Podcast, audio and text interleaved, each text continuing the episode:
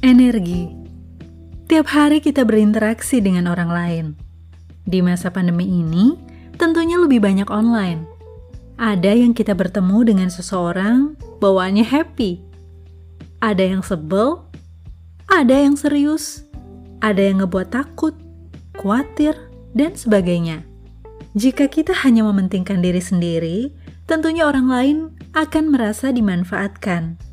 Jadinya sebel, kesel, atau kalau yang belum sadar mungkin biasa-biasa aja.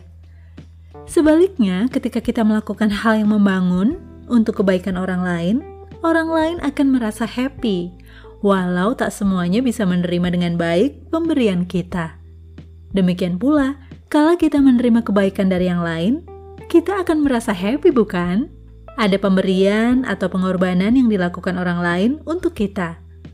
Entah itu dalam bentuk perhatian, kata-kata penguatan, penghiburan, dukungan, hadiah, dan sebagainya.